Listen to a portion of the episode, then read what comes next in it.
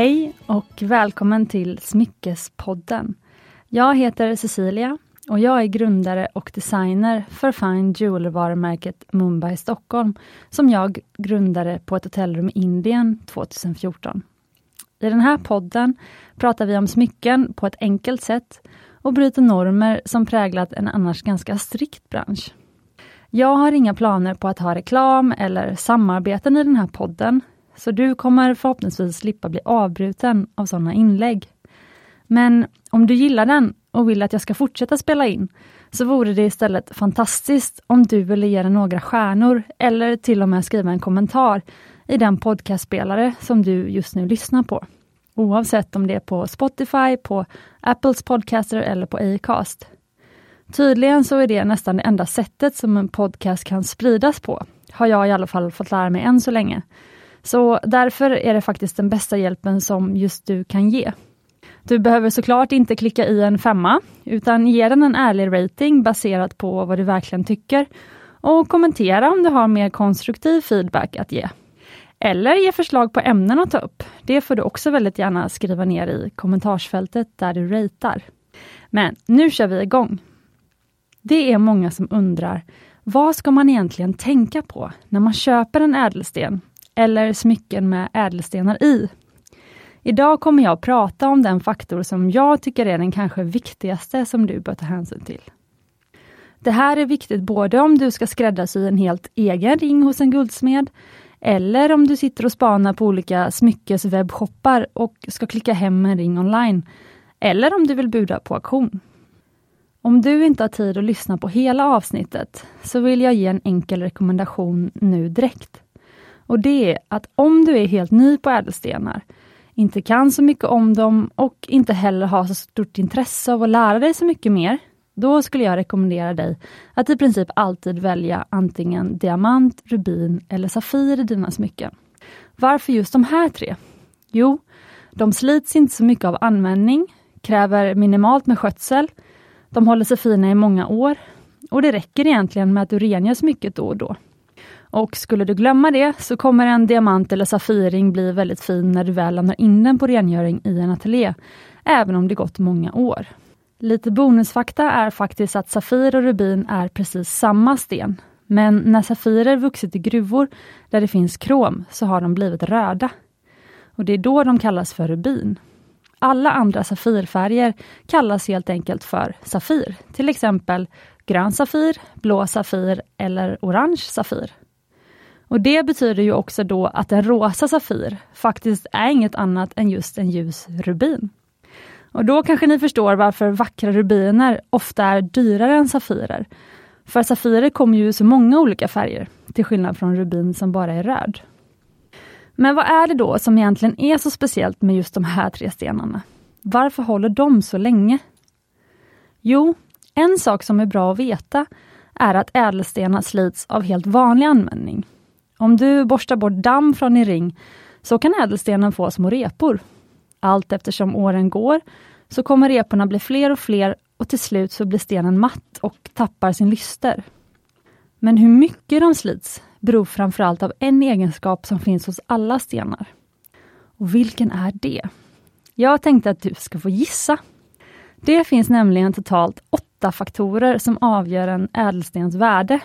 Och de är färg, tillgänglighet, alltså hur vanlig den är i naturen, Storlek som mäts i karat, hårdhet, hållbarhet, klarhet, slipning och hur vacker den anses vara. Man kallar det helt enkelt för skönhet. Alla de här faktorerna avgör hur stor efterfrågan blir på en viss sten, hur attraktiv den är och hur dyr stenen blir för dig att köpa. Men du hörde ju faktiskt, en av faktorerna heter till och med hållbarhet.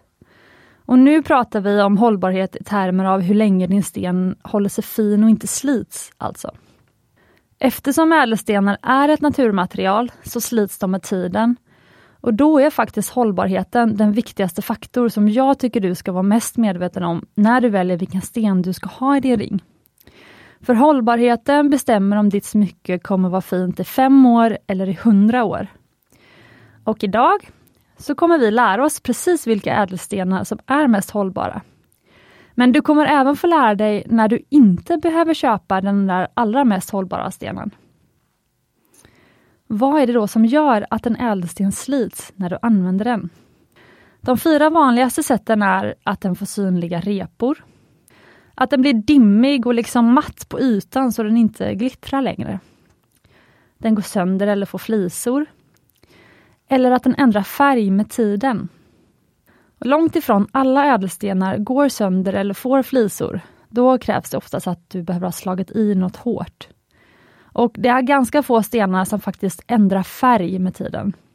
Så många miljoner år som det tagit för en ädelsten att bildas under jorden, så ändrar den oftast inte bara färgen sådär. Men det finns ädelstenar som är så kallat instabila och de kan faktiskt ändra färg om de långvarigt utsätts för bland annat starkt ljus, till exempel om du förvarar dem öppet i solljus. Och en sån ädelsten kan till exempel vara ametist. Men det allra vanligaste det är att ädelstenen får repor och i värsta fall blir matt så den förlorar sin lyster. Och Det här vill vi undvika, speciellt när man lagt mycket pengar och kärlek på att hitta sin favoritring. Och Det finns faktiskt en egenskap hos alla ädelstenar som kan göra att de blir just matta och tråkiga. Och Det har att göra med hårdheten. Och Inom ädelstensvärlden så definieras hårdhet som hur lätt den får repor. Och Då kan man ju tycka att en mikroskopisk repa gör väl ingenting. Men du kan ju se framför dig hur många gånger du till exempel stoppar ner handen i väskan på en dag och tänk på alla saker som ligger där som ringen slår emot. Och även om du inte har en handväska så är det till och med så att små dammpartiklar i luften innehåller ämnen som kan göra små, små repor på ädelstenar. Så varken du vill det eller inte så kommer din ädelsten repas bara av att du bär den. Och Varje liten repa gör väl ingenting, men bär du ringen varje dag blir reporna fler och fler och efter några år så syns de genom att stenen blivit just matt och den gnistrar inte som den gjorde när den var ny. Och Det här kan du se om du till exempel jämför en gammal akvamarinring som har några år på nacken med en helt ny. Och Nu skulle man ju vilja ha en skala som rangordnar alla ädelstenar just ifrån deras motstånd mot repor. Och så väljer man bara bland de stenarna som är högst upp, så de håller sig vackra superlänge. Och det finns faktiskt just en sån skala. Som tur var så rangordnade en tysk geolog redan för 200 år sedan tio kända mineraler efter just deras hårdhet. Och Den fick namnet Mohs Scale of Hardness efter hans eget efternamn. Och Den här skalan har sedan fyllts på och nu kan man se alla ädelstenar, till och med de som inte är mineraler, utan även organiska stenar som pärlor och koraller på den här listan. Och listan fungerar så att stenarna är rangordnade i hårdhet, där diamant, som är det hårdaste materialet, har nummer 10 och talk, det här vita stoffet som faktiskt också är en mineral, som är väldigt mjukt, det har nummer 1. Sen rangordnas alla andra mineraler däremellan. Guld till exempel har en hårdhet på 2,5. Det är mjukare än man tror. Bärnsten har hårdhet 2 till 2,5.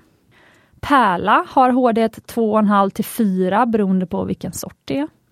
Turmalin har hårdhet 7,5. Morganit och akvamarin har en hårdhet på 7,5 till 8. Och Safir och rubin hittar vi hela vägen upp på hårdhet 9. De är näst hårdast efter diamant. Och nu kan du då se varför det var just diamant, rubin och safir som jag rekommenderade i början. De håller sig ofta väldigt fina väldigt länge eftersom de är så hårda att de sällan repas och därför alltså behåller sin vackra lyster väldigt länge. Vilket också är anledningen till att de kan säljas vidare för höga värden även efter många år i antikbutiker eller på vintageauktioner. Det som är så speciellt med den här skalan är att man kan se vad de olika stenarna repas av. Varje sten kan repas av stenar som har samma hårdhet eller är hårdare. Så en akvamarin kan till exempel repas av både sig själv eller av en safir som är hårdare. Men om akvamarinen slår emot en pärla så är det pärlan som får repor. Eftersom guld är så mjukt så kan du tänka dig att om du förvarar massa smycken huller om buller i väskan, så kommer guldet på dina ringar ganska snabbt att få repor. Vi på Mumbai tycker faktiskt att den här skalan är så viktig att vi till och med har gjort vår egen som du kan kolla på vår hemsida. Där kan du också jämföra ädelstenarna med andra hårda föremål, som till exempel ett fönsterglas eller en fickkniv. Och du kan se att fönsterglas har en hårdhet på bara 5,5. Så de flesta ädelstenar repar faktiskt glas och inte tvärtom. Så hur ska du då tänka när du väljer? Måste du alltid välja diamant från och med nu, för det är hårdast? Nej, som tur är behöver du inte det. Jag tänkte ge mina fyra tips som kan hjälpa dig välja ädelsten nu när du vet om hårdhetsskalan.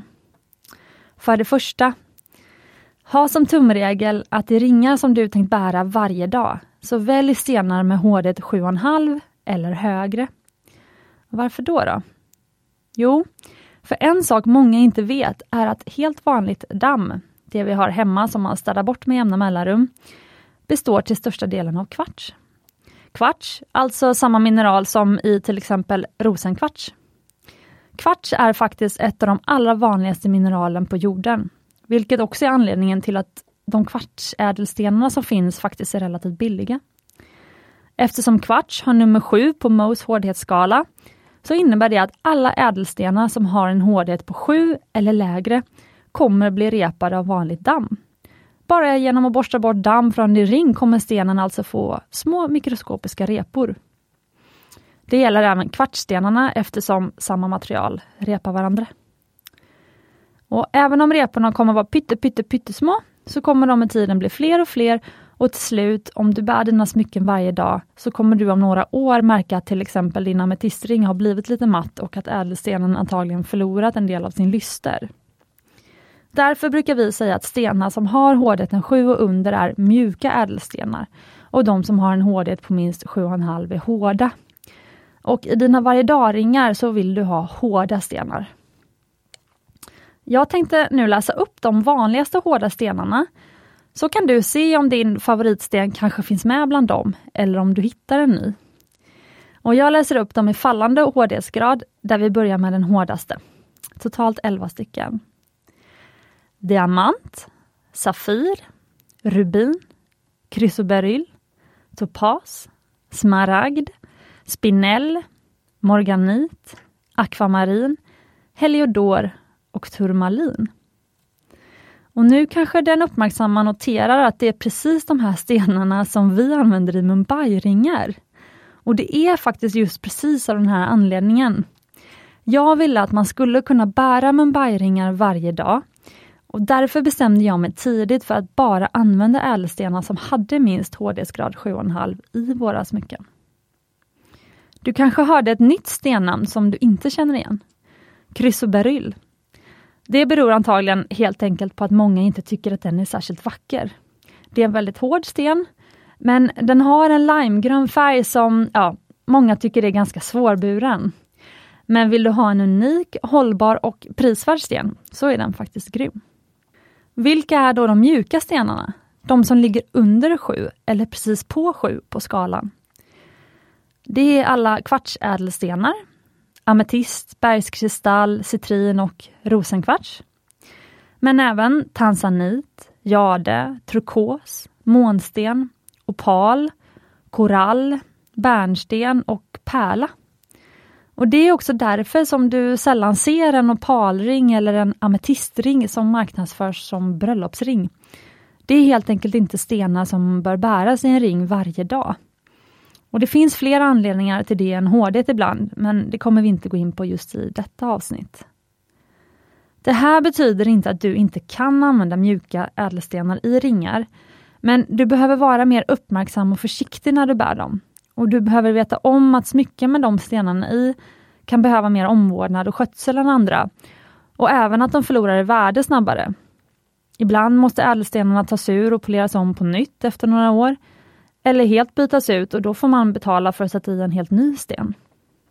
Därför kommer här mitt andra tips, som är att om du verkligen älskar någon av de mjuka stenarna, som till exempel jag själv älskar ljusrosa opaler, då kan du ha dem i till exempel örhängen eller halsband istället, där du inte behöver vara lika rädd för att slå i saker och smycket är generellt mer skyddat. Eller så gör du en cocktailring, eller mer en finring, en sån ring som man inte bär varje dag. Och när du inte bär dem så förvarar du dem i en stängd smyckesbox där damm och solljus inte kommer åt, så håller de sig fina länge. Mitt tredje tips är att utnyttja allt du just lärt dig om hårdhet till din fördel. Nu behöver du inte längre känna att du behöver välja den dyraste, hårdaste stenen bara för att. Särskilt på de smycken som inte utgör basen i din smyckesgarderob. Välj en sten som är längre ner på listan och inte kostar lika mycket ibland. Och satsa på riktigt hårda stenar till dina viktigaste smycken. De som du vill ska kunna gå i arv och hålla i hundra år. Jag älskar till exempel själv vita topaser för att de kan man slipa upp i stora storlekar utan att de blir superdyra.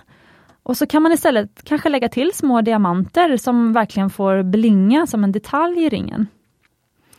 Och då får man en superfin ring med en härligt stor vit sten och som ändå blingar av diamanterna men som inte kostar skjortan.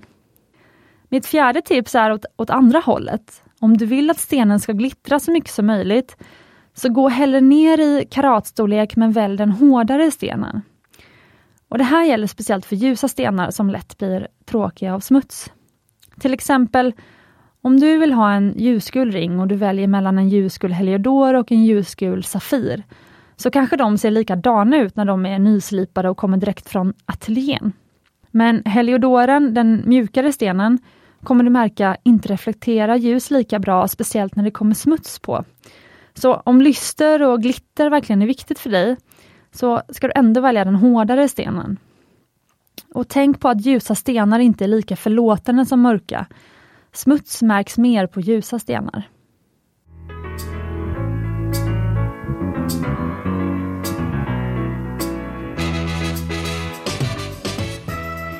Så, sammanfattningsvis.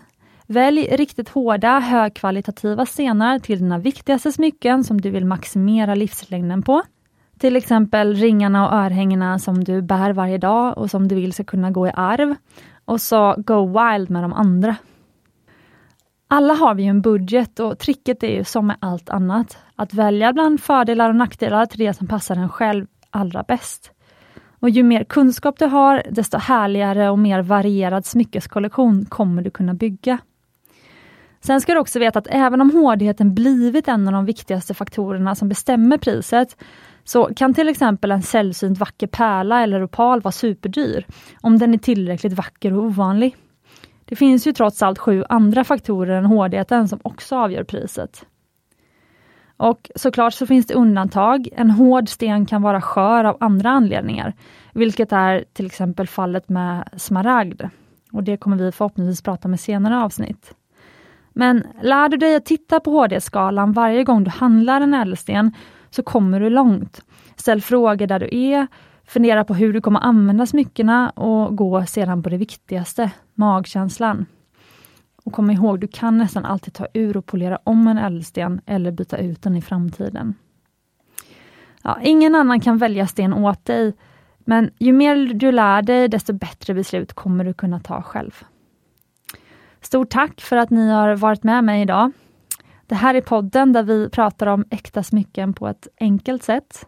Och Om du vill kolla upp vilka ädelstenar som är i smyckena du kanske redan har hemma och kanske ärvt eller fått, så kan du lämna in smyckena hos en juvelerare eller till oss och så kan vi hjälpa dig med det. Och När du vet vilka ädelstenar som är i dina smycken så kan du även enklare veta hur du tar hand om dem eller veta vad du får ut om du vill sälja dem vidare på till exempel auktion. Om du fick några tankar eller funderingar när du lyssnade så får du jättegärna ställa frågor till mig på Instagram där jag heter The Jewelry Designer eller på Smyckespoddens egna Instagram, Smyckespodden, där jag även lagt upp en bild från ja, det var nog förra avsnittet på Halinas fantastiska eh, wedding stack. Och kom ihåg snälla, en rating eller en kommentar i din podcastspelare är guld värd. Och glöm inte, du är värd äkta smycken.